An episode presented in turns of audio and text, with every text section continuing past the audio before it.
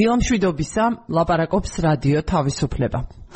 ვიწყებთ გადაცემას დილის საუბრები, რომელსაც წარმოგიდგენთ ყოველ სამუშაო დღეს დილის 10 საათზე და ჩვენი გადაცემა გარკვეული ხნით ეთერში გადის მხოლოდ აუდიო ფორმატში, ანუ რადიო მსმენელები გვისმენთ და ასევე შეგიძლიათ აუდიო ვერსიის მოსმენა რადიო თავისუფლების საიტზე, უკაცრავად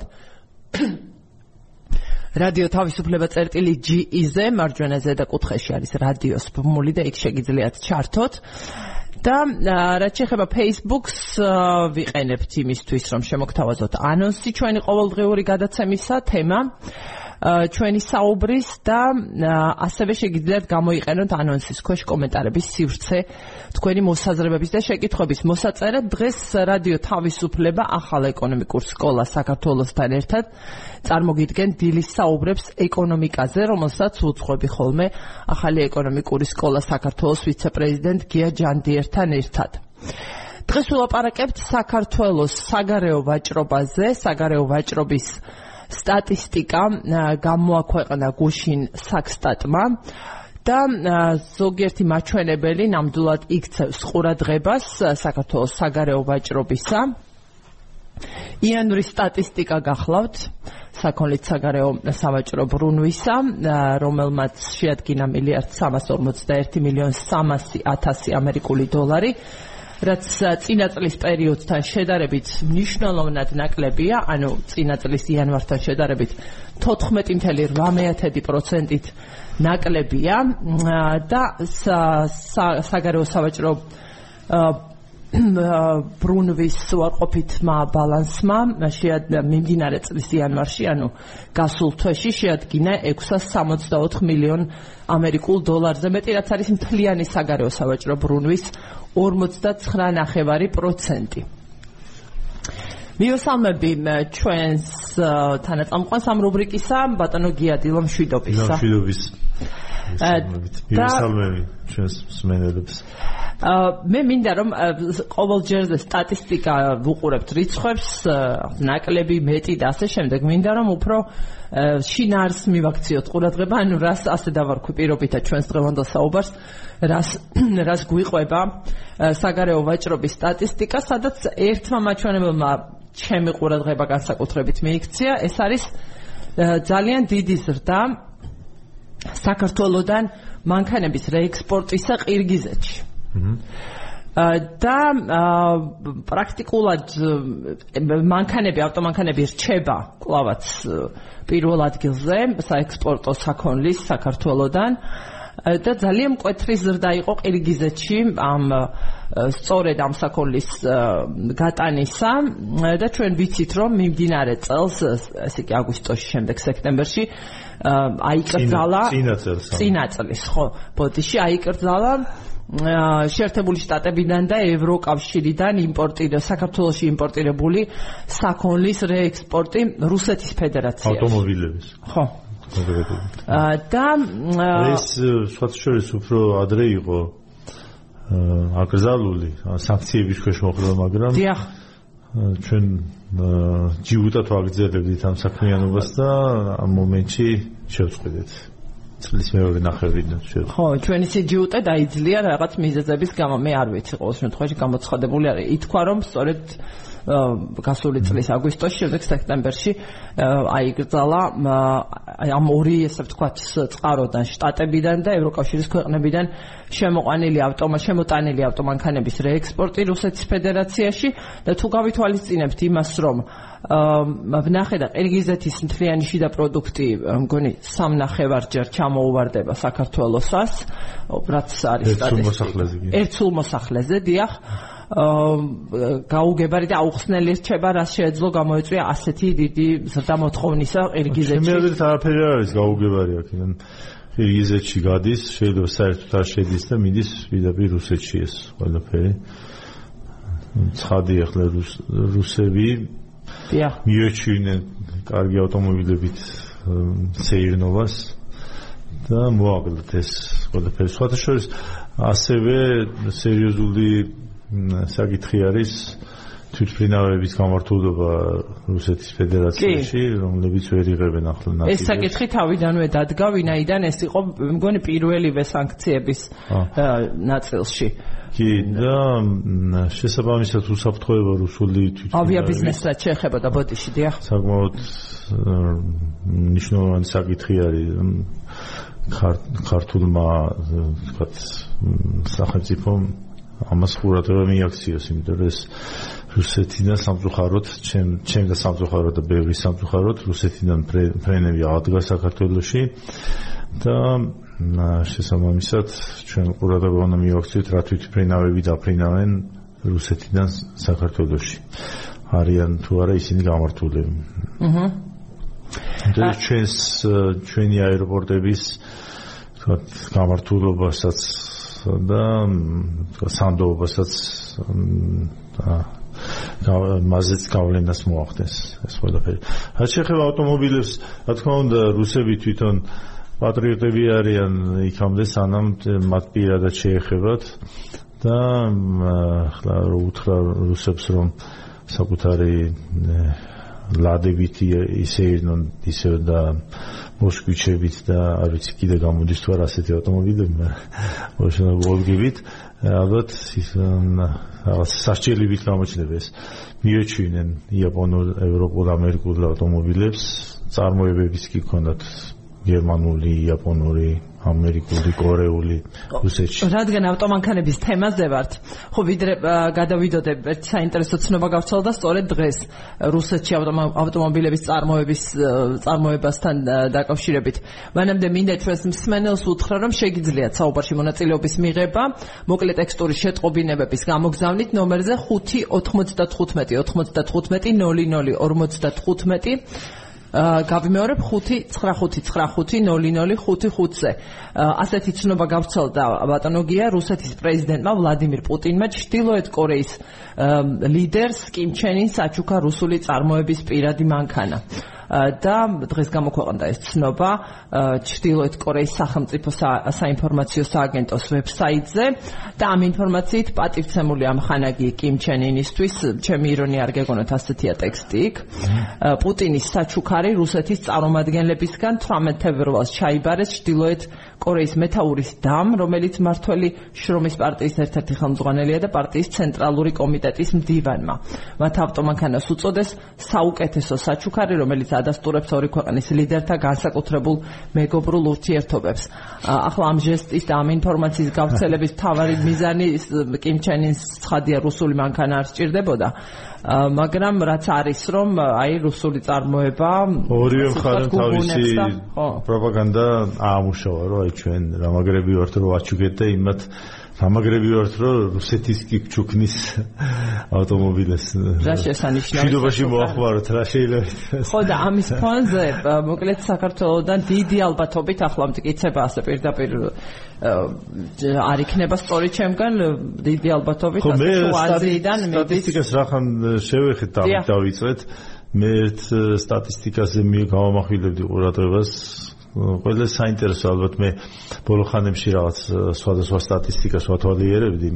მათ შორის თქვათ შემოსავლების ერთულ მოსახლეზე შემოსავლების სტატისტიკას სოფლიოში და დღეს დილით მქონდა უფრო გამონათება ესე აბა რა გამონათება გაგვიზიარეთ ყველა საინტერესო არის ალბათ ცხოვრების სტატისტიკა ნუ რამდენ ხანს ცოცხლობენ ადამიანები ამა თუ იმ ქვეყანაში და უნდა ითქვას რომ რუსების სამწუხაროდ და პუტინის სამწუხაროდ, კრემლის სამწუხაროდ ეს ადგილიდან არის ჯრის და რუსეთის სიცოცხლის ხანგრძლივობა რუსეთში არ იზრდება. და იმ ქვეყნებში, რომელსაც პუტინი თუ კრემლი ემტერება, იმ ქვეყნებში სიცოცხლის ხანგრძლივობა 80 წელზე მაღლა არის. რუსეთში მამაკაცებს შორის 60 წელს ქვემოთ არის და ქალბატონები ცხოვრობენ 70 წლამდე და საშუალოდ, რა თქმა უნდა ეს. და ისეთ ქვეყნებში როგორც საფრანგეთია, თქვა გერმანია, შვედეთი, შეერთებული შტატები, იაპონია განსაკუთრებით, თუნდაც სამხრეთ კორეაც სიცოცხლის ხანგრძლივობა 80 წელზე ზემოთ არის. ზოგიერთ ქვეყანაში 85 წელია და გუშინ კიდევ კითხულობდი ცნობილი ნობელის პრიზის ლაურეატი ეკონომიკაში ვერნონ სმიტი 97 წლის არის და რუსეთში ალბათ ამაზე ოცნებაც გიზნელი არის.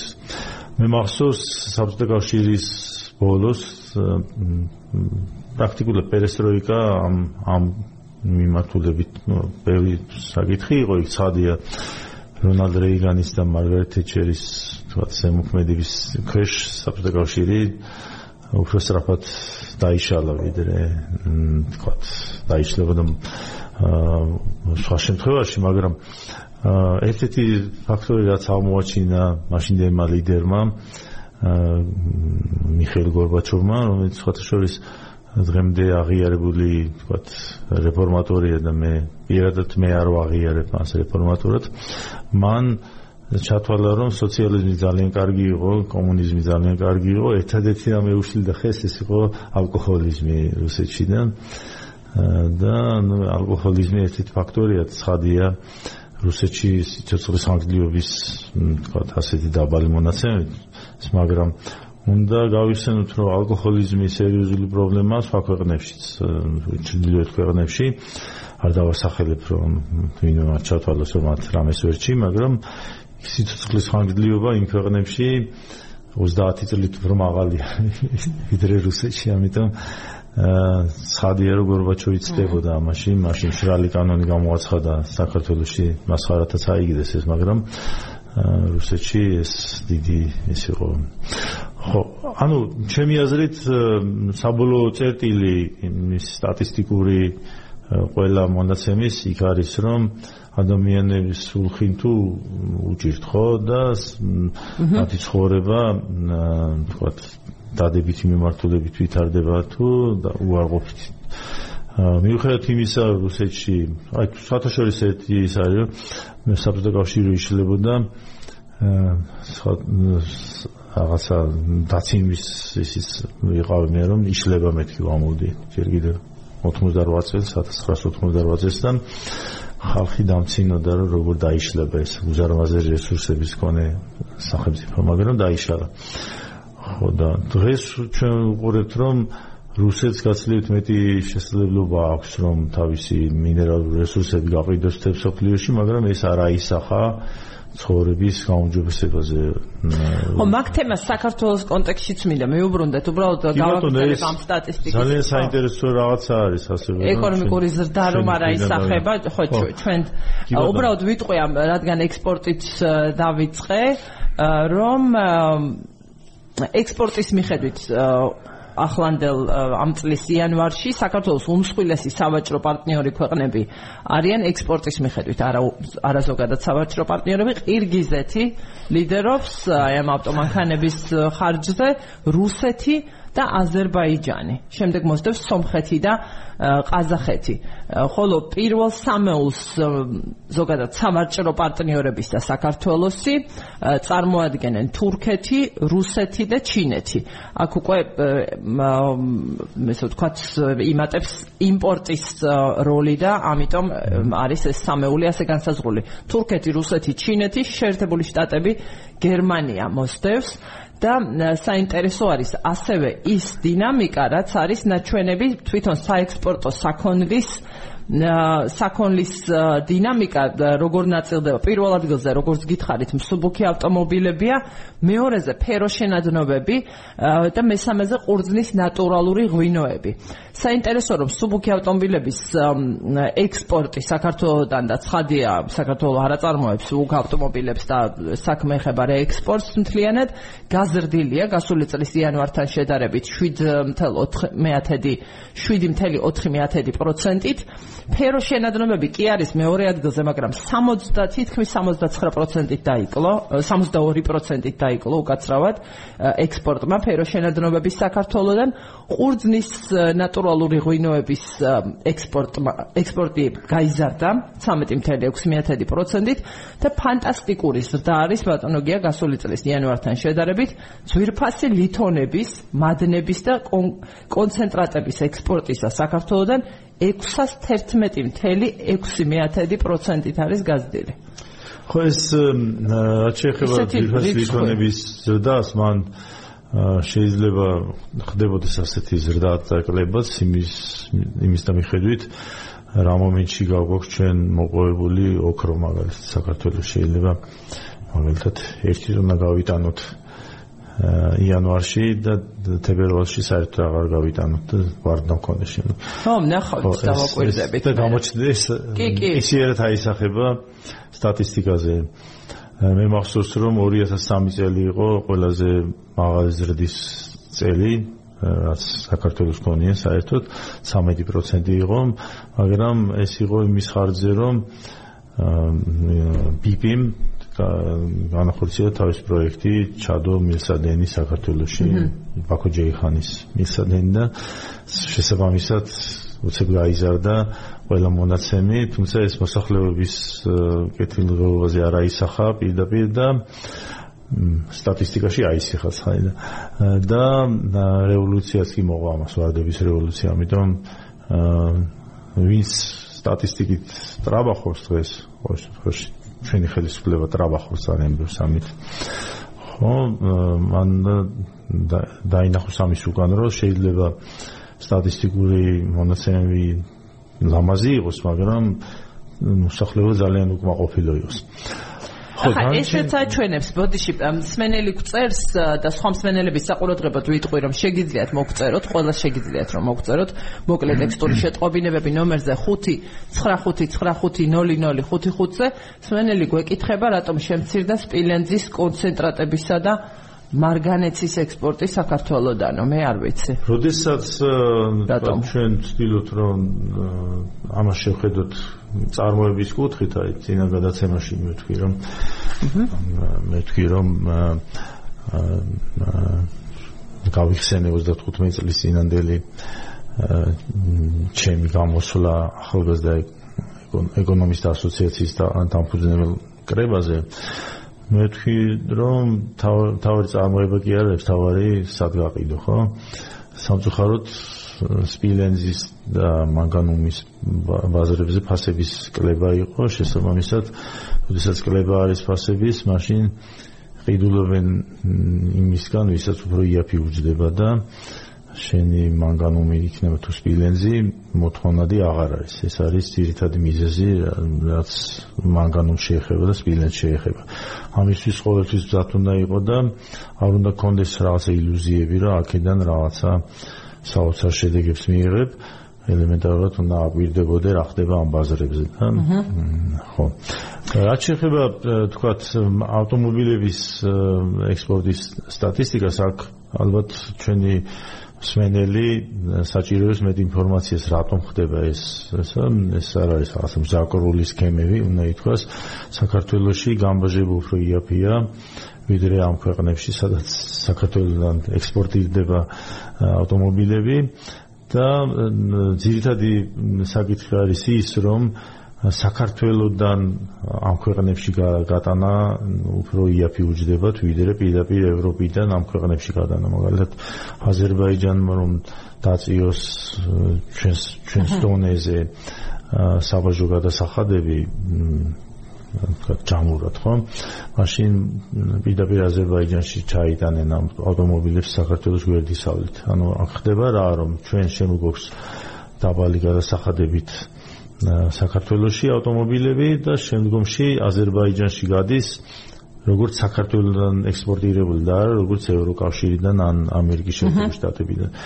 მათ რომ ამერიკის შეერთებული შტატებიდან და ევროპიდან შეიტანონ პირდაპირ ავტომობილები, მაშინ გაცილებით რომ მაღალი გადასახადები. ხო. ეს იყო აღმოჩენილი დაახლოებით 15 წლის წინ და ამ ბიზნესის სასარგებლოდ არ შეცვლილა ეს პოლიტიკა საქართველოში და ამიტომ არის რომ საქართველოსდან ავტომობილების რეექსპორტი აღმოჩნდა ასე დაწინაურებული ექსპორტის სფეროში. აქ ჩვენ ალბათ ყველაზე მნიშვნელოვანი საკითხია გავერკვიეთ. ფოტოშორს ეცაც ვიტყვი ბატონგი უბრალოდ მონაცემად რომ გაზრდილი არის როგორც იმპორტი მაგალითად დაფასებული სამკურნალო საშუალებების ასევე ექსპორტი და ამი აქაც უნდა ვიბარაუდოთ ალბათ რომ აქაც ხდება რეექსპორტი. ხო, არა რეექსპორტი შეიძლება იყოს, მაგრამ იგივე თქვათ როგორც არ უნდა იმის ეჩვენებოდეს რომ ყველაფერი ცუდად იყო 15 წლის წინ. 15 წლის წინ მიღებული გადაწყვეტილებების შედეგად წამლის წარმოება საქართველოში გამარტივდა და ჩვენ დღეს გვაქვს სამედიცინო საშუალებების ექსპორტის შესაძლებლობა, იმიტომ რომ გადასტურებთ რომ ჩვენი წამლები არის მაღალხარისხიანი და დავიწყოთ მისი ექსპორტი სხვადასხვა ქვეყნებში. როდესაც აფთიაქში მიდიხარ საქართველოში, იქაც ნახოთ რომ ხშირად გთავაზობენ ქართულ ანალოგებს ევროპული თუ ამერიკული წამლების და სწორედ ამაზეა საუბარი რომ მაშინდელმა ჩვენმა რეფორმებმა გაამართლა და გვაქვს ასეთი წარმოებები საქართველოს რაც რასაც არ მოსწრები ვართ მანამდე რომ საქართველოსი წამლები იწარმოებოდეს და შემდგომ თუმცა სამკურნალო საშუალებები როგორც კი ერთი ორი მეოთხე მეოთხე ადგილზეა იმპორტირებულ საქონელში საქართველოსთვის. პირველზე არის მსუბუქი ავტომობილები მეორეზე ნავთობი და ნავთობპროდუქტები მესამეზე ნავთობის აირები მეოთხეზე სამკურნალო საშუალებები და მეხუთე მეოთეზე სატელეფონო აპარატები. სატელეფონო აპარატები შეადგენს იმპორტის 3.3% საქართველოში არ ვიცი. ხო, რა შეიძლება მე აღარ მინდა ჩემი კითხვა ფანტაზიით შორს. ავტომობილებს რომ დაუბრუნდეთ ეს ის იმავე თქვა თვალსაზრისით შეიძლება გამაფრთხილებელი ის იყოს თქვა სიგნალი. თუ მაგალითად ჩვენი ეს მეზობლები სომხეთი, აზერბაიჯანი თუ ყირგიზეთი თუ ყაზახეთი შეძლიან თავის პოლიტიკას და თვითონაც შეამცირებენ საბაჟო გადასახადებს ავტომობილებზე, მაშინ მოსალოდნელია ეს ბიზნესი საქართველოში იარ ჩავარდეს საერთოდ გაუქმდეს, იმიტომ რომ მაღაზია ძირითადად აწყობილი უზარმაზარი ინდუსტრია. მეორე მხარე არის რომ ჩვენ შეიძლება თქვათ ხალისით შევხედოთ ასეთ რიცხვებს რომ იმპორტი ექსპორტი გაიზარდა ავტომობილების და სტატისტიკურადაც ავსახოთ ეს ჩვენს თქვათ კლიენტში გაპროდუქტში, მაგრამ აა რეალურად ასარგებელია აქედან თქვათ შეიძლება წარმოვიდგინოთ, რომ თვითონ ავტომობილის ღირებულების 5-10%-ს არ აღემატება ის მოგება, რაც ქვეყანას რჩება აქედან, ანუ თუ ჩვენ მოახდინეთ 700 მილიონი დოლარის ავტომობილის ექსპორტი საქართველოსდან, იგულისხმოთ, რომ საქართველოსში აქედან მხოლოდ 70 მილიონი დოლარის სარგებელი მივიღეთ. ეს უბრალოდ ჩვენს ტერიტორიაზე გაიარა ამ ყველაფერს, მეტი არაფერი არ მოხდა რა რეალურად. რა თქმა უნდა, უნდა ითქვას, რომ ეს მრავალ ადამიანს ასაქმებს და მრავალი ბიზნესი მუშაობს ამაზე, აწყობილია და ეს არ არის რაღაცა თქვათ ხელწამოსაკრავი ინდუსტრია, მაგრამ ძალიან ფრთხილად უნდა ვიყოთ, რომ თქვათ მომავალი დაუკავშიროთ ასეთ საერთო თქვათ ინდუსტრიებს, რომელიც ერთბაშად შეიძლება გაქრეს იმის გამო, რომ არ ქონდა რეალური საფუძველი იყო უბრალოდ ჩვენი მეზობელი ქვეყნების არასწორი პოლიტიკა და თუ ისინი შეცვლიან თავის პოლიტიკას ჩვენ სხვა საქმე უნდა ვეძებოთ ამ ადამიანებს რომელიც ამ საქმეში არიან ჩართულები ბიზნესებმა სხვა საქმე უნდა მოძებნონ თავიანთი თქვა მომავალი თქვა ცხოვრების პირობების გასაუმჯობესებლად ეს არის ამასთან დაკავშირებული სტატისტიკა და იგივე მაგალითად როდესაც ჩვენ საუბრობთ რომ გვაქვს სხვადასხვა მინერალური საბადოები თუნდაც უნდა დავინახოთ მისი შეზღუდვები, ლიმიტები, სადამდე შეიძლება მან სარგებელი მოუტანოს ჩვენ ქვეყანას, რომ შეიძლება ჩვენ ვიფიქროთ, რომ მაგალითად ქვანახშირის მოპოვება ეს არის საოცრება, მაგრამ უნდა ვიფიქროთ, რომ თუ ქვანახშირი ისე პოპულარული გახდება, იმიტომ რომ წესით არ უნდა გახდეს დღევანდელი გლობალური თქვათ პოლიტიკის გამო. მაშინ უამრავი სხვა ქვეყანაც მათ შორის აფრიკული ქვეყნები დაიწყებენ ქვანახშირის მოპოვებას და ჩვენზე შეიძლება ჩვენზე იაფათაც კი მოახერხონ ეს და შესაბამისად ჩვენ დაგვჭეს გადათხრილი მაღაროები რომელიც არ ვის არაფერში ჭირდება ხო, წილობრივად არ მithkomს ისე კი ავტომანქანებზე რომ ვლაპარაკობ, თრიანი ექსპორტის 33%-ზე მეტია საქართველოსდან და საინტერესო არის მინდა ვახსენო ის რომ დღეს იმართება საქართველოს ევროკავშირის საბჭოს სხდომა ბრიუსელში, სადაც ჩასულია საქართველოს დელეგაცია და ეს არის პრემიერ-მინისტრის რანგში ირაკლი კობახიძის პირველი საგარეო ვიზიტი. და ამ საბჭოზე რატომ ვახსენე ახლა იქნება ლაპარაკი ასევე ერთ-ერთი მთავარი თემა არის ეკონომიკური თანამშრომლობა საქართველოსა და ევროკავშირს შორის და თუ ამ ვაჭრობის ჯგუფებს შევხედავთ როგორც ქვეყნებს ასევე პროდუქტს, რა ვიცი, დიდი საფუძველს გამოყოფილების არავის უნდა აძლევდეს, არადა მნიშვნელოვანი არის სწორედაც საქართველოს კონდეს.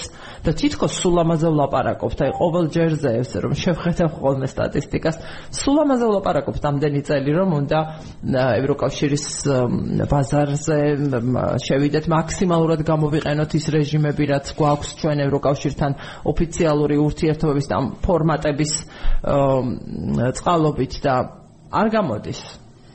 და რატომ არ გამოდის? არ გვაქვს ახლა ამ სასაქონლო ჯგუფებსაც რომ შევხედავთ, იქ ჩანს ხო იმპორტი და ექსპორტი რა არის? ანუ რა გვაქვს? გაჩვენებს და რა არ გვაქვს. ხო? ხო ეს არ გვაქვს რომ ის რაც იქით არის საჭირო. თქვა მრავალი მიმართულების საკითხია ცხადია. მესმის ხო? ჩვენ წამოვიდი საბჭოთა კავშირიდან სადაც უხარისხო საქონლის კეთება იყო მთავარი სპორტი. ხო მაგრამ როდის წამოვიდი რამდენი წელი გავიდა? ასე თქვა. ხო ამ ეს არ არის ადვილი გადასალახავი საკითხი უნდა ითქვას. ჩვენ კი არა ჩვენზე დიდი ქვეყნები ცდილობენ რომ გამოვიდნენ აქ და იგივე ჩინეთზე რომ დავიწყოთ ჩვენ საუბარი, ჩინეთის სახალხო რესპუბლიკაზე, ჩვენ შეიძლება გაოცებულიც ვიყოთ ჩინეთიდან შემოსული ძალიან მაღალი ხარისხის საქონლით, მაგრამ არ უნდა დაგვავიწყდეს, რომ ეს არის ჩინეთის თქვა პროდუქციის 5-დან 10%-ამდე მაქსიმუმ.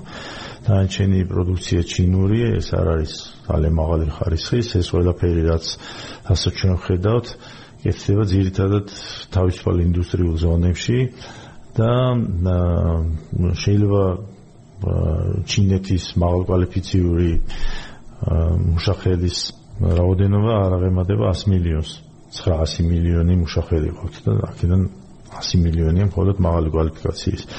ანუ ჩვენ რომ მივახციოთ იმას რომ ჩვენი პროდუქცია ხარისხიანი იყოს ჩვენ პირველ რიგში ჩვენი კვალიფიციურობის და პროდუქტიულობის ამოცანები უნდა წინ წამოწიოთ და ამით მივახციოთ თქვათ ხარისხიანი საქონლის დამზადებას რომელიც დაინტერესებთ თქვათ ევროპელებს. ეს ეს ეკონომიკური კითხვით რო შევხედოთ. ჩინეთი რადგან ახსენეთ არის ეს მონაცემები და ვეტყვი ჩვენს მსმენელს თუ შეიძლება, ანუ საქართველოსთან ექსპორტის ნუსხა ასეთია ჩინეთისკენ. ეს არის ძვირფასი ლითონების მადნები და კონცენტრატები. არის შევაერთებ ყველაფერს სუნელებს რომ ვოძახით ანუ ხმელი ბალახი. და ხელს აი რამაც გამაკვირვა და არ ვიცი ალბათ ირონიის garaშე ვკითხულობ უბრალოდ გამიკვირდა ჩინეთში. გაგვაქვს გასაყიდად ხელსაწყოები და მოწყობილობები მედიცინაში ან ვეტერინარიაში გამოსაყენებელი. სპილენძის დარჩენები და ჯერ მოსოლოდნელი ესეც რეექსპორტია რა თქმა უნდა ჩვენ არავის და შემდეგ იქიდან სადღაც რაც უნდა ჩინეთს ჩვენი ხელრა ხელსაწყოები იგივე მოდელია ალბათ. და რა შემოდის ჩინეთიდან? ყველა საკითხზე. საცაგეს ალბათ უნდა ვიგულისხმოთ იგივე მოდელია რომ ჩინეთი პირდაპირ ეყიდულობს ამას და საქართველოსთან აქვს თავისუფალი ვაჭრობის შეთანხმება ამის შესაბამისად საქართველოს თან უფრო იაფათი იღებს ამ პროდუქციას. ჩინეთიდან შემოგვაქვს გამომთვლელი მანქანები და მათი ბლოკები, სატვირთო ავტომობილები.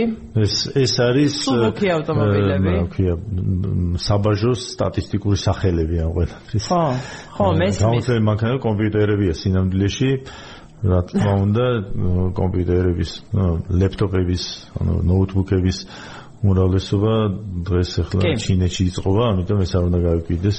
და ისევ და ისევ ისევ თავისუფალ ინდუსტრიულ ზონებში ხდება შენზენში და სამედიცინო ხელსაწყოები უნდა გამკვირვებოდა ახლა აქედან წამება. მე ვფიქრობ, რომ აქაც იგივე მოდელია, რომ საქართველოსთან თავისუფალი ვაჭრობის შეთანხმება შესაბამისად რეკლამის დროა, ხო? შესაბამისად საქართველოს შემოაქვს გამბაჟების დაბალ ზონაში. გასაგებია, ხო? გააქვს ჩინეთში. რეკლამის დრო არის რადიო პალიტრის ეთერში, რამდენიმე წუთით დაგტოვებთ რადიოში, ვაგრძელებთ უწყვეტად ინტერნეტში ჩვენს აუდიო მაუწყებლობას და ხო ეს ევროკავშირის ეს ნიშნა ევროკავშირთან თავარი ფორმატი ასე ვთქვათ ურთიერთობის და თანამშრომლობის არის სწორედ ის საბჭო რაც დღეს იმართება ვთქვი და აი ამაზე საუბარს რომ შევუდექით ევროკავშირში გასატანი რატომ ვერაფერი შევქმენით გულისხმობ ესეთი მასშტაბურად იმიტომ რომ სავაჭრო პარტნიორებს შორის აი იმ 10 ქვეყანაში უმსხვილესი სავაჭრო პარტნიორი რომელიც არის საქართველოსი 10 ქვეყანაში ევროკავშირის ქვეყანა არის სულ 2 და ისიც ამ გრაფიკს თუ შეხედავთ არ გამოირჩევა დიდი იცი რა ქვია მასშტაბით პირველ ადგილ ადგილზე სავაჭრო პარტნიორებს შორის არის თურქეთი მოსდევს რუსეთი და შემდეგ არის ჩინეთი და შეერთებული შტატები. აი ასეთი არის წყობა და გერმანია და იტალია მხოლოდ. ანუ ათეულში გულისხმობ. თორე ცხადია სხვა ქვეყნებთანაც აქვს საქართველოს ვაჭრობა. უბრალოდ ვიდრე საქართველოს ევროკავშირთან გააფორმებდა ასოცირების შეთანხმებას და ღრმა და ყოვლისმომცველი სავაჭრო ურთიერთობის შესახებ ეს რეჟიმი ამოქმედდებოდა ამის თანხლები ხელშეკრულება იყო პრაქტიკულად. საქართველოს არც თუ ცუდი და ურიგო რეჟიმი ჰქონდა ევროკავშირთან ვაჭრობის. ჰქონდა მას ასევე შეღავათები ეგ ჯერ იყო შედარებით ლიმიტირებული ნუსხა პროდუქციისა, შემდეგ გაიზარდა ეს იმდენად, რომ რა ვიცი, ვერ ჩახვიდოდი ბოლოში, ჩამონათვალში. მაგრამ ეს დრო მაინც რაღაცნაირად ვერ იქნა გამოყენებული საქართველოს ეკონომიკისთვის და რისთვის იცით, აი სტიმულირებისთვის რაღაც რაღაცების წარმოების. ახლა მეტყვით ასე არ ხდებაო ეგრე საკარის ბაზარი გახსენი შეიძლება მე მე ვფიქრობ რომ აქ მნიშვნელოვანი საკითხი არის დავინახოთ საქართველოს რას წარმოადგენს სხვისი თვალით.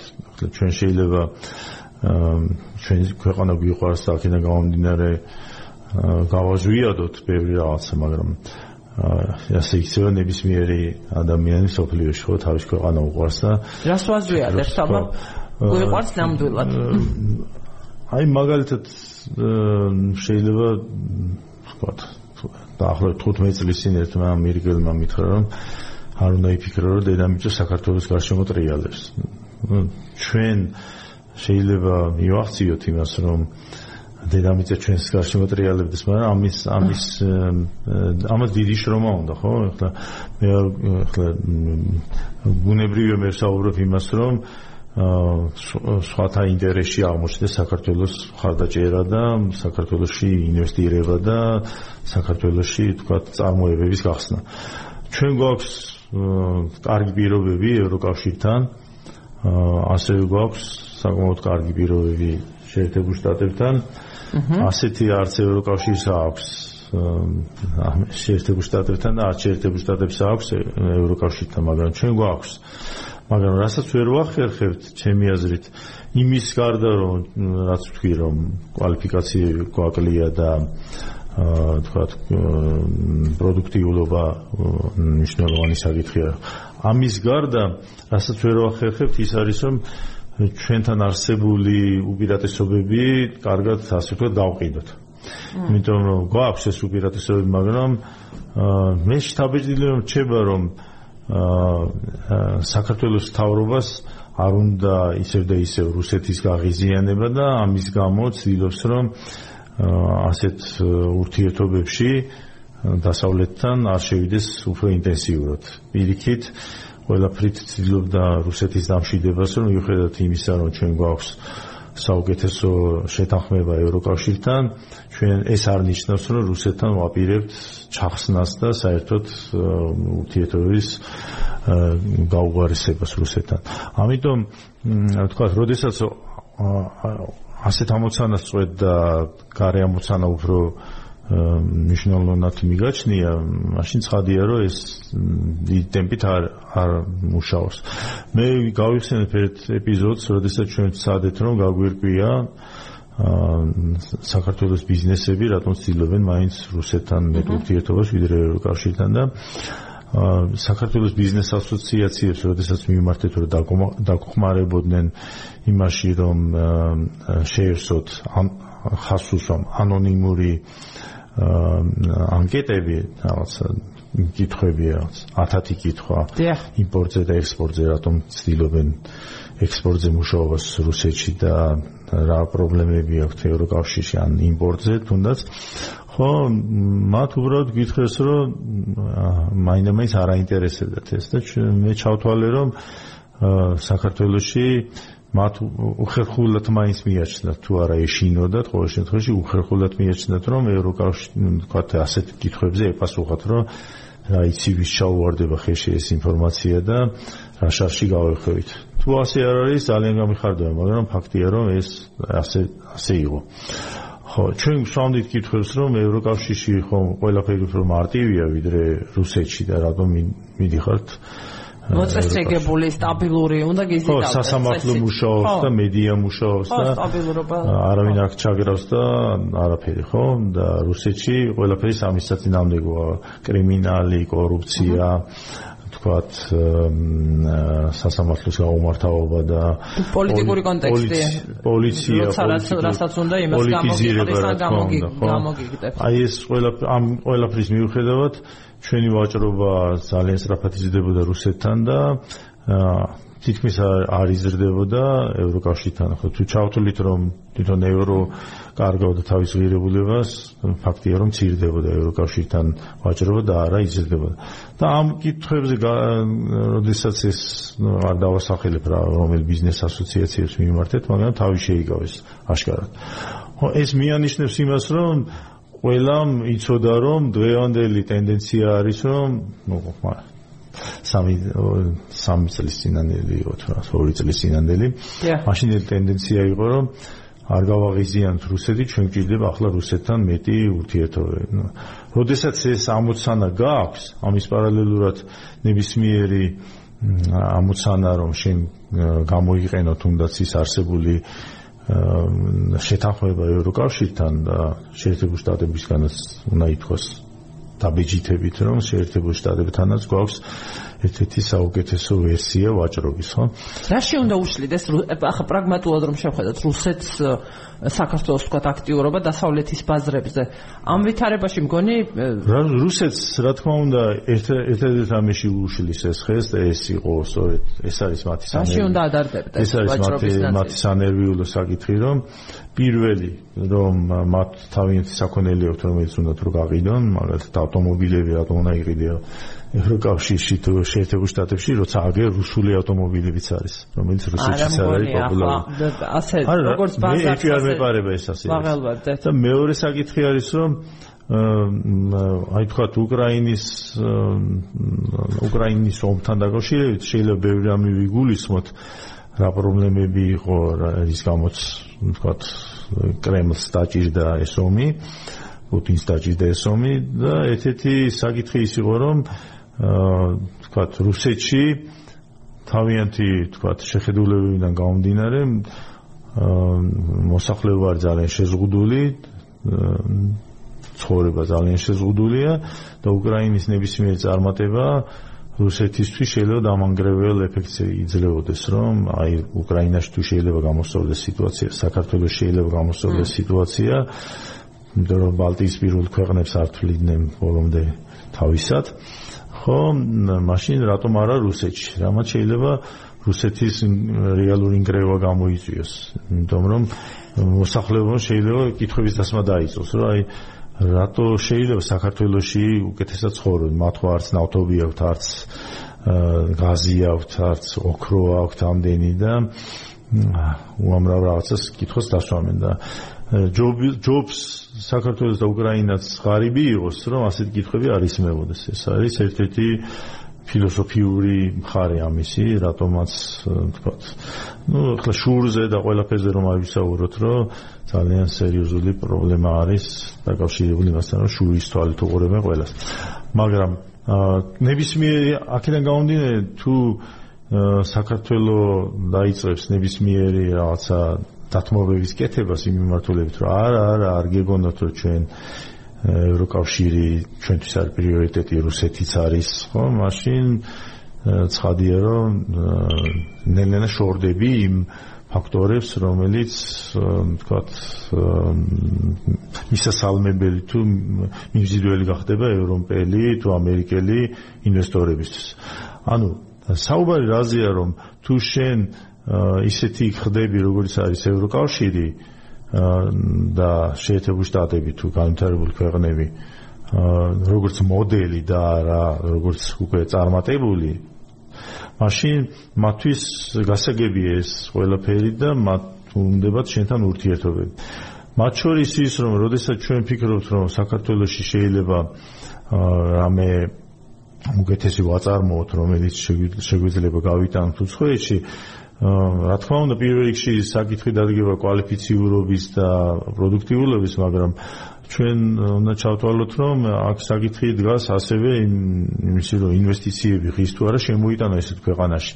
და შენ თუ თქვათ შენი საქმიანობით ინვესტიციების, რა თქვათ, ინვესტიციების მქონე ქვეყნებს ეუბნები, რომ არა, არა, არღის მე არ ვარ ისეთი კაი ქვეყანა და ნუ გეჩვენება ასეთი რაღაცები. ხო, ასეთი რაღაცები შეიძლება პირდაპირ არ უთხრა, მაგრამ როდესაც ყველაფერი შედარებითია, ხო? ახლა ჩვენ ჩინეთის სახალხო რესპუბლიკასავით ვერ გავხდებით ისეთი ავტორიტარული ქვეყანა, ალბათ საქართველოს ვერაზროს ვერ გახდება. თუმცა 100 წლის წინანდელი ის რო გავიხსენოთ შეიძლება ყველაფერი უფრო შავნელად მოგეჩვენოს, მაგრამ მაინც გონია რომ საქართველოს ვერ გახდება ისეთი, მაგრამ ჩინეთში მაინც ჩაიდო უზარმაზარი ინვესტიციები, ახლა კი გადინება არის ჩინეთიდან, თქვა რუსეთიდან, მაგრამ რატომ ჩაიდო? შეგი თქვა გაგიშდეს ასეთი კითხვა. მაშინ როდესაც ჩინეთში და რუსეთში ინვესტიციები იდებოდა პირველი ფაქტორი იყო რუსეთის და ჩინეთის მასშტაბები ხო? და არა მისი თქვა საინვესტიციო მიმზიდველობა სხვა კუთხით. არაფერი სხვა მიმზიდველობა არ ქონა ამ ქვეყნებს. ჩინეთში ყავთ მილიარდ 400 მილიონი მომხმარებელი და როდესაც შენ ფულის ჩადებას ფიქრობ, ცხადია ექსპორტი მეორედი საკითხია. ფიქრობ, რომ აქ დიდი ბაზარია და ბევრი რაღაც გაღიდოს მოახერხ. ამას შეუძლია დაჩრდილოს ისეთი პრობლემები, როგორიც არის ადამიანის უფლებების ძალიან ძიმე მდგომარეობა. და ეს დაჩრდილო თან ისეთი რაღაც არ უნდა წარმოვიდგინოთ, რომ ყველა თქვათ უცებ მოიხიბლა არა. და იქ უბრალოდ კონკურენციაც იყო რომ თქვა მე გერმანელი ავტომწარმოებელი თუ დავაგვიანებ შესვლას მელანდება რომ ამერიკელები შემასრებენ ან იაპონელები ამიტომ ჯობია მე დროულად შევიდე და გავიწდება დანარჩენ ფაქტორები ამიტომ როდესაც ჩვენ ვედრებით ისეთ ქვეყანას როდესაც ჩინეთი უნდა გავახსენდეს მისი მიმზიდველობის ფაქტორები. და ჩვენ აი ეს მიმზიდველობის ფაქტორი რა ხან არ გვაქვს. ამიტომ უნდა ვიფიქროთ ისე რომ ჩვენ გვაქვს ძალიან სუსტი პოზიციები და ყველანაირად უნდა გადავიხაროთ იქითკენ რომ მათთვის მიმზიდველი გავხდეთ. აი რითი უნდა გახდეს საქართველოს მიმზიდველი, მაგალითად ყველაფერი იმითი, რასაც მთავრობა აკეთებს იმის საწინააღმდეგო. მაგალითად, ოდესაც ჩვენ საუბრობთ იმის შესახებ, რომ რამდენიმე წლის განმავლობაში საქართველოს თავრობა მალავდა თავის გადაწყვეტილებებს, ახლა წარმოიდგინეთ თქვენ ხართ ინვესტორი საქართველოსში და გაიგეთ ამის შესახებ, რომ თავრობა მალავს თავის გადაწყვეტილებებს, მათ შორის რაღაც ქონების გასხვისებაზე და რაღაცებზე. ახლა ყველაფრის მიუხედავად ისიც მეტყობა დაეზარა არჩევა თუ გადარჩევა თუ რა ქვია და მთლიანად შეწყდა და აღარასდროს აღარ გამოაქვეყნეს არც ერთი განკარგულება. ხო. ნუ ეს ეს არის ეს შეიძლება მხოლოდ სახელმწიფო კანცელარიას ეს შეიძლება სხვადასხვა სამინისტროებს. რეკონსტრუქცია მიმდინარეობს. ხო და ამიტომ ის ინვესტორები იფიქრობენ რომ აუ გადასარევი ხალხია და გადასარევი ისტორია აქვს და აა სამზარეულო და სამზარეულო და ღვინო და ყველაფერი მაგრამ ფულს მაინც ბანგლადეშში ჩავდებ აი ეს მნიშვნელოვანი საკითხია. იმიტომ რომ აგერ გვერდის რეკონსტრუქცია ვერ დაამთავრეს მთავრობის. ნუ ბანგლადეშიც არ დაუმთავრებიათ გვერდის რეკონსტრუქცია იქ აქტუარა, კაცმა არის ის საერთოდ აქტუარა, მაგრამ სამაგიეროდ უნდა ითქვას, რომ საქართველოს მოსახლეობა 3 მილიონი ნახევარია და ბანგლადეშის 200 მილიონი.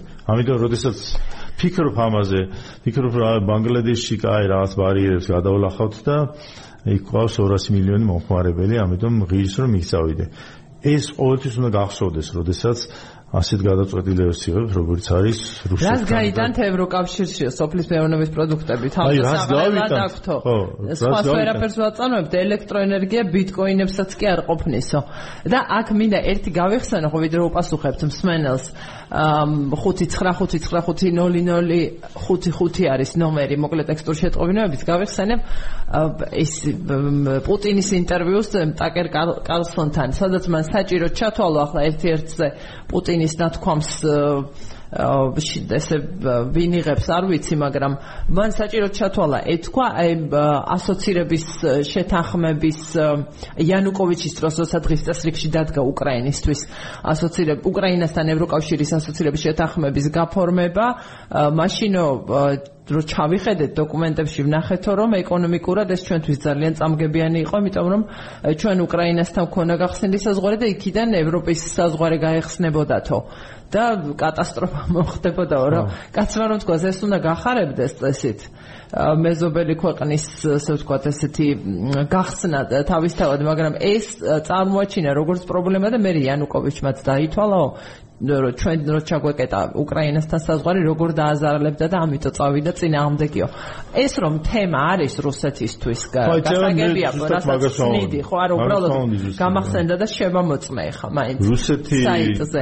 მაგრამ უკრაინის შემთხვევაში უფრო მაგრამ საქართველოს შემთხვევაში მგონია პირიქით რაღაც თვალსაზრისით ამ კონტექსტში განსაკუთრებით უნდა აწყობდეს კიდეც.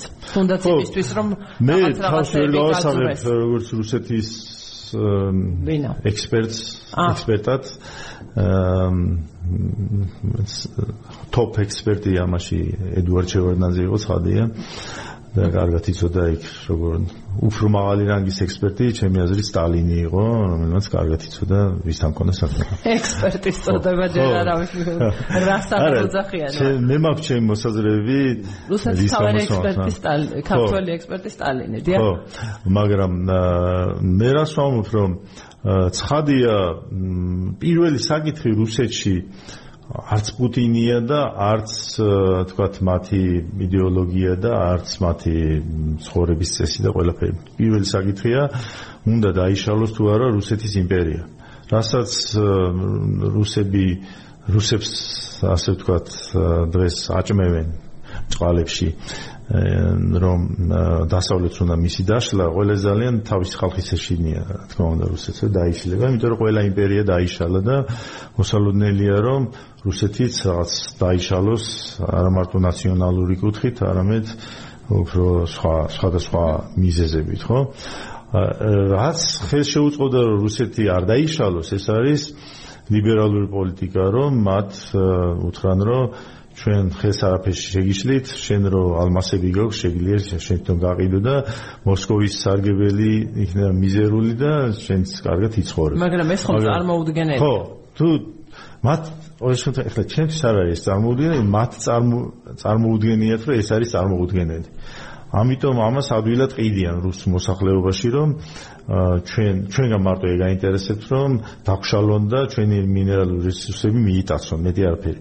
სინამდვილეში რაც კრემლს აინტერესებს ის არის, რომ ეს კარგად გაასავალოს რუსეთის მოსახლეობაში და უთხრას რომ თქვენ სიგარებიში ცხოვრება გიჩენიათ და ერთიანი იყოს რუსეთი თუ გამდიდრდეთ და დავიშალოთ. ამას ცემი აზრით წარმატებულად აკეთებენ, ხო? რომ დააჯერონ მოსახლეობა, რომ მათი ერთიანობა არის ყველაზე მთავარი ამოცანა. და მე მგონია რომ ძალიან ცდებიან იმაში, რომ მათ აქვთ აა ესეთი მიდგომა, რომ ლიბერალი ლიბერალიზაციის შემთხვევაში რუსეთი დაიშლება, შეიძლება თქვა რომ რატომ უნდა დავიშალოთ თუ ხელს არაფერს ვიშლიან მოსკოვიდან, რატომ უნდა დავიშალოთ, ხო? მაგრამ მათ მათ წარმოუდგენიათ რა სირთულეები შეიძლება მოხდეს და ასთავარია არც ერთ ლიდერს ალბათ არ მოუნდება რომ ასეთი რაღაცები ისაუბროს და განახორციელოს. მე შეიძლება სხვა ოპოზიციონერებმა ხელი დაადრო აი ამან ეს აკეთებს რუსეთის დაშლისკენ პოლიტიკას, ხო? მაგრამ ჩვენ რა შუაში ვართ? დანარჩენი სოფლიო რა შუაშია თქვა თქვენ რაც გინდა ის გეჩვენებოდეთ შეგინით ჩვენ გინდა რომ ნორმალურად ვიცხოვროთ მაგრამ მე როდესაც შენ ცდილობ რომ ეს ამოცანები განახორციელო გზაში ხდება ისეთი რაღაცები როგორც მე წავამთქი რომ ოხ როგორ შეიძლება უკრაინელები უკეთესად ცხოვრობდნენ? ახლა უკრაინელები თუ უკეთესად ვიცხოვრებენ და ნატოში და ევროკავშირში შევლენ მაშინ ყველა რუსი იტყვის რომ კარგია ეს ერთიანობა მაგრამ ა უკრაინელებმა როგორ მოახერხეს რომ უკეთესად ცხოვრობენ? ამიტომ საჭიროა რომ უკრაინა დარჩეს ღარიბად, საქართველოს დარჩეს ღარიბად, რომ რუსეთის მოსახლეობა თქვას რომ არა, არა, ჩვენ სწორად სწორად ფიქსებით ყველაფერს და მეორე ამოცანა არის ზუსტად ის რომ რა თქმა უნდა ამ გზაზე მე ვფიქრობ რომ აი გარანტირებული სინიჭი გამსაღებლები შენი დაბალი ხარისხის პროდუქციის და აგერ ვინ ვინ აგერ საქართველოს სომხეთი რამდენს ვიყიდით ხო რამდენს ვიყიდით იმ დონეზე? ვიყიდით რომ მოსახლეობა არ აღელდეს და არ არ ვიცი ხო ეს დასაქმებული რჩებოდეს რუსეთისთვის ხომ თავარი არის მისი თავარი შემოსავალი ხო ნავთობრესურსებიდან აქვს და ხო რა თქმა უნდა მაგრამ ნავთობის და გაზის. დიდი ბაზრები ხო ნავთობი და თანმხლები კი ბატონო. მაგრამ ეს რესურსი ჩვენ ხედავთ რომ საკმარისი არ არის ხოლმე საქართველოსში შეიძლება აღმოაჩინოთ ადგილები სადაც მოსახლეობა ძალიან ცუდად ცხოვრობს მაგრამ საქართველოს არ აქვს ამდენი თქვა ნავთობი და გაზი, ხო? და შეიძლება თქვათ, რომ აი რუსეთში როცა ამ ხელა ფული ტრიალებს, ასობით მილიარდი შემოდის აქედან, ხო? მე კითხები ისმევა ასეთი რომ რატო ცხოვრობ ცუდად როცა ამდენი შემოსავალი კითხები ახაც ის ისმება მაგრამ რა რა რა უნდა ვაწარმოოთ, რა უნდა შევხმოთ. ხო, რა შეიძლება რა უნდა ვაწარმოოთ? ეკონომიკის ზრდაზე გამონათება მქონდაო და მეც ჩემი დილეტანტური გამონათება მქონდა, რომ ეკონომიკის ზრდა რო არის ამაზე ლაპარაკი, რატომ რატომ ამასა ვერ გრძნობს, თქვათ, რატომ არა ისახება იმავე კი სტატისტიკურად არის, რომ სიღარიბე მცირდება და ასე შემდეგ, მაგრამ იქ რა როგორი თულება ამას და ვირგული მიმოვიხედოთ მოკლედ, არ ვიცი მე აშენებული ჩემს გარშემო. აუცილებლად მიმოვიხედოთ ვირგული არის სხვა შორის ყველაზე კარგი ინდიკატორი არის დაუსაქმებელი ვინც ყავს გარშემო თუ გამოუჩნდა დასაქმების შესაძლებლობა ან სწავლის ან რაღაცის ხო? მაგრამ აქ მნიშვნელოვანი ის არის რომ ეს ზრდა ეკონომიკური ზრდა მოხდა მოთხოვნის ზრდის ხარჯზე და არა წარმოების ზრდის ხარჯზე. ხო ეს მოთხოვნის ზრდა ჩვენმა ვიცით რა ეპიზოდიც არის? ორი წუთიც არ გაგვჭა ხო. სვენელმა რომ კარგად ტერმინების გარეთ დაინახოს. ეს არის ის რომ უამრავი ფული შემოვიდა გარედან რომელსაც რომელიც ასე ვთქვა საქმიანობის შედეგი საქართველოს საქმიანობის შედეგი არისო ხო? და უცებ მოაწყდა დახარჯვა საბინაო სექტორს და უამრავ რაღაც. რაც გამოიწვია ფასების ზრდა არის იქ, ხო? რა თქმა უნდა, მაგრამ რაც შეეხება, თქვა, იმას, რომ ჩვენ არაფერს ვაწარმოებთ, უნდა გავიხსენოთ, მაგალითად, ჩვენი მეზობელი თურქეთის მაგალითი, რომელიც ჩვენზე ღარიბი ქვეყანა იყო საბჭოთა კავშირის ბოლოსთვის რო ავიღოთ სტატისტიკურად, ერთ სულ მოსახლეზე თურქეთი უფრო ღარიბი იყო, მაგრამ შორს რომ არ წავიდეთ ხოლმე და სამხრეთ კორეაზე და სინგაპურზე რომ ავისაუბროთ, ასეთი რაღაცები მუშაობს, ხო? ხედავთ რომ რაღაცა ამუშავებს ამას. ჩვენ უნდა ვიპოვოთ, ამიტომ ჩვენი ფაქტორები, რომელიც ამას ამუშავებს და ცხადია ამ სიტუაციაში თქვა უსაფრთხოების ფაქტორის გამორიცხვა ძალიან ძნელია და გაგვიჭირდება, მაგრამ იმის გამო ჩვენ გვაქვს უსაფრთხოების ფაქტორი პრობლემა, ხო? ამიტომ ჩვენ უნდა მეტი თქვა უპირატესობები შექმნათ ამ ქვეყანაში, რომლის გამო ვიღაცა ინვესტიციების ჩადება შექმნის. და ამათ შორის სხვა ფაქტორიც არის კვალიფიკაციის და პროდუქტიულობის, თქვა დაბალი დონე საქართველოში, ამას ბევრი ბიზნესი აღნიშნავს. ხო? აა ამისი შეცვლა ძალიან რთული იქნება, უნდა ითქვას, რომ წლები თუ აწლევლები დაჭირდება ჩვენ ეს ერთ-ერთი ფაქტორია, რომელიც სხვათა შორის ჩვენ შეგვიძლია რომ ყოველ შემთხვევაში მიმოძრაოთ კვალიფიკაციის სფეროში, თუმცა რა თქმა უნდა პოლიტიკური თვალსაზრისით ძალიან ძნელია, მაგრამ რეალურად შესაძლებელია. ეს არის განათლების გაუმჯობესება საქართველოში. განათლება თუ დინამიური არ გახდა განათლების გაუმჯობესება და თანაც ну ეს ცხადია აბსოლუტურად ეგრეა და აუცილებლად მიუბრუნდებით ამას. კი, აუცილებლად მიუბრუნდებით, იმიტომ რომ რუბრიკაც იმიტომ რომ ეკონომიკას დასაქმების თუ წარმოების ზრდის შესახებ უნდა გაგვახსენდეს რომ აუცილებლად ჭირდება კვალიფიციური და პროდუქტიული ადამიანები ქვეყანაში. ძალიან დიდი მადლობა ბატონია მოგწერეს ტრამპი არ დაგეთანხმებოდა სამწუხაროდ ბაიდენის ადმინისტრაციასაც გვარიანად ეშინიათ რუსეთის დაშლისო. სუაჩერ ძალიან აქტიური მსჯელობა და დისკუსია მიმდინარეობს დასავლურ წრეებში, ანალიტიკურ წრეებში პუტინის შემდგომი რუსეთის შესახებ. და ეს არის სასაღელვებელი და ესეც საფიქრალი საკითხი. და უსამართლობა ერთ ქვეყანას იმდენი ბუნებრივი რესურსი ქონდეს, რამდენიც რუსეთს აქვს ოლბრაიტი ამობდა სტატების სახელმწიფო მდივანი თქვენ ცდილობთ. გვაჭამოთო ვერ მოგცემთ ესე უნდა დავასრულოთ გაბრაზდით და იქ სამშაბათს მე არანაირი სურვილი არ მაქვს რუსეთის ახლა არა რუსეთის ხელმძღვანელობა კი არ აჭმევს თავის ხალხს თქვენ გვაჭგინათ გვაჭამოთ. ჩემი საქმე არ არის რუსეთი დაიშლება თუ არა მე ვამბობ აბსოლუტურად. თუმცა ხო უნდა იმას იმაზე იფიქროს ნებისმიერ მოქვეყანამ რაზე გავლენა შეიძლება ამან მოახდინოს მასზე. ძალიან დიდი მადლობა გია ჯანდიერს ახალი ეკონომიკური სკოლა საქართველოს ვიცე-პრეზიდენტი თანაწამყვანი დღევანდელი რუბრიკისა მე ნინო გელაშვილი ვარ რადიო თავისუფლების ჟურნალისტი და გემშვიდობებით მე ხვალდილამდე ამ რუბრიკით ერთი კვირით. გმადლობთ